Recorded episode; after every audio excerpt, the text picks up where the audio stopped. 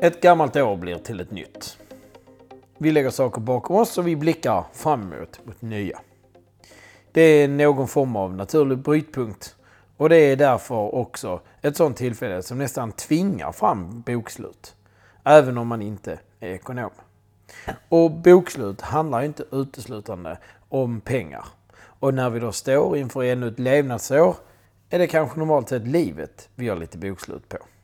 Och där kommer det in. Dags så populära, fruktade, uppskattade, hatade men också välanvända nyårslöftet. Jag är generellt för själva företeelsen. Och innan många av er nu vänder er emot mig vill jag hinna förklara varför. Min förklaring består av två delar. 1.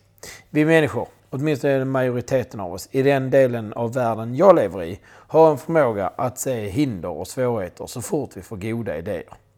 Jantelagen hör jag som en vanlig undanflykt. Men det är något av ett enkelt kort att slänga in när det inte riktigt räcker till med den egna kreativiteten, kraften, energin eller självförtroendet. Vi behöver med andra ord tänka lite mindre innan vi tar djärva beslut. Många av världens och mänsklighetens bästa händelser har varit beroende av människor som inte visste, inte brydde sig eller rent utav triggades av gränser och utmaningar. Vi hade fortfarande bott i grottor, ätit bär och gnagare och saknat ett utvecklat språk om inte någon hade vågat. Så vi behöver fler som vågar, trots att det som behöver vågas är svårt. Nummer två. Vi lovar oss själva alldeles för lite. Vi lever i en tid där alldeles för många människor inte lovar, eller för den delen håller vad de lovar sig själva. Det handlar inte om att lova andra, utan bara om att lova sig själv. Jag tror att om vi hade vågat vara modigare och lovat oss själva det vi verkligen värdesätter och uppskattar, hade vi mått så mycket bättre. Jag har lärt mig att det är jag själv som ansvarar för mig, vad jag gör och vilken effekt det får och hur det får mig att må. Vara eller trivas. Jag vet att det låter trivialt, enkelt, men pausa avsnittet här och fråga dig själv hur många gånger du ljugit för dig själv, förnekat att du svikit dig själv eller bara misslyckats med sånt du lätt borde åstadkomma. Bara det senaste året, det som precis gick. Är du tillbaka? Det var inte så få gånger ändå va? Så lova mer och lova modigare.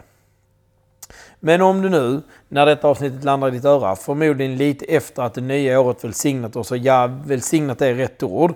2021 är ett år som rätt så lätt kommer imponera på rätt så många. För året vi benchar mot, alltså 2020, var väl ingen höjdare. Nåväl, om du i alla fall tagit emot 2021 och redan gjort som jag tipsade om och nu finner dig i situationen att det nog blir lite väl bra ändå. Trots allt och känner att ångern kommer lite krypande här. Kanske med känsla av sådär uppgivenhet och motstånd. Eller att du bara helt enkelt nu inser att det här blir lite väl utmanande. Det är nu du ska ha förtröstan. Här och nu rakt ut i cyberspace och in i ditt öra mina fem bästa tips för att inte ge upp och för att fortsätta och sätta alla tvivlar på plats. Inklusive dig själv. Tips nummer ett. Kör ditt mål i smartkvarnen. Detta är en modell som ofta används i professionella affärsmässiga situationer men som passar minst lika bra i privata. Och där det känns som mest hemma för mig och säkert för många av mina lyssnare när det rör sig om en fysisk utmaning. Det går ut på att varje bokstav i ordet smart får en betydelse och guidar dig till hur du skapar, justerar och hanterar mål för att du ska kunna nå dem. Har du nu redan lovat något eller kommit så långt att du redan berättat för andra och därför inte kan backa är det inte alls fel att ta hela målet och låta det gå några varv i smartkvarnen. Det vill säga att du trots att du redan formulerat det mesta sätter dig ner med modellen som en spegelbild och ser till att uppfylla så mycket du kan utav det som nämns i modellen. Så vad står bokstäverna för? S står för specifikt. Är ditt mål för svårt och för vagt för att berätta om för andra, då är det nog inte specifikt nog. Se till att göra det tydligt och klart så att du vet vad du ska, men också att det är enkelt att veta när du är klar. M är för mätbart. Återigen är det viktigt att veta när man är klar med sitt mål och att kunna fastställa med siffror slår alltid det där med känsla eller tyckande. Det ger dessutom fördelen att på vägen hålla koll på hur det går och hur långt man har kvar. A. brukar beskrivas som att stå för accepterat. Och det är väl en beskrivning som kunde fått kallas för relevant. Men vi ska spara r r är för övrigt något som bara en skåning kan uttala riktigt framgångsrikt. Eh, jo då. Men accepterat i alla fall. I formen av att det är rätt sak att göra. Att det är relevant i ditt liv. Att det tar dig mot ett övergripande mål eller att det gör dig till en bättre person i den vardagen du lever. Om det du tar för dig kommer strida mot allt du är och gör så har du precis satt dig själv i en riktigt knivig situation. Och då är det bättre att göra det lite enklare. Så accepterat som att det passar in i ditt liv någorlunda. Och med det sagt är det inte meningen att det ska passa in i din komfortzon. R i smart står för realistiskt. Sätt inte mål som inte går att uppnå. Och då pratar jag inte om att det är svårt, jag pratar inte om att det är utmanande, utan jag menar att det ska vara realistiskt som att det inte är omöjligt. Och låt det hänga ihop med de andra variablerna. Det kanske går att genomföra men det kräver tid. Eller att något delmål måste klaras av först. Beta av det i så fall så att ditt nästa mål är uppnåeligt. För T står för tidsbestämt. När ska du vara klar? Alla som någonsin jobbat mot en deadline vet att det skärper sinnena och att det gör det avsevärt lättare att planera. Plus att det dessutom finns en tid att göra avslut vid. I absolut värsta fall kan det här innebära att när tiden tar slut har du inte uppnått ditt mål. Men du kanske når ditt stora mål lite senare. Eller så kom du 90 eller 95 procent på vägen och det i sig var en stor vinst och seger. Det positiva att jobba med en deadline överväger allt det där. Så Smartkvarnen är nu komplett med S, M, A, R och T. För er som vill djupdyka i det går det att googla hur mycket som helst om det här. Det är en vedertagen form att jobba. Och för er som nu undrar hur min satsning mot extrema triathlonet Black Lake överlever en omgång i Smartkvarnen. Det gör den. Men inte utan att tänja på både det ena och det andra. Och det är en stor anledning till att jag säger att jag ska stå på startlinjen 2022, inte 2021. Det är tack vare Smartkvarnen jag hamnat med en hållbar plan. Så till mitt andra tips. Jag har redan varit lite inne på det, men låt oss kalla det för egenkontraktet. Lova dig själv. Skriv ner det du bestämt dig för och håll dig själv ansvarig för det. Egentligen är jag inte 100% nöjd med ordet ansvarig. Det, är det sådär typiskt svenskt. Lagom, förnuftigt och så vidare. Jag gillar egentligen det engelska ordet accountable bättre. Att stå som kontoinnehavare i Jag AB. Det sista där med Jag AB har jag snutt från Kjell Enhager. Ni vet livscoachernas egen Messias. Men det förtjänar han att vara. Han är grym. Och han har myntat eh, begreppet företaget Jag AB. Men i Jag AB är jag beroende av allt. Och därför behöver jag en bookkeeper som är helt oförlåtande. Så se till att vara den personen själv. Se till att sätta in på kontot, håll koll på balansen på kontot och låt inte en jävel plocka ut ditt surt förvärvade kapital. Lova dig själv och håll dig själv ansvarig till det. Du förlorar om du ljuger för dig själv. Ingen annan. Du blir besviken och uppnår mindre än du kan om du inte håller reda på vad du lovat dig själv. Och du är banne mig skyldig dig själv det.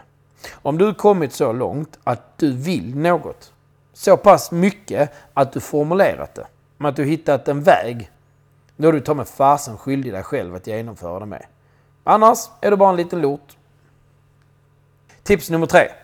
Sätt yttre tryck. Berätta för andra att du har ett mål.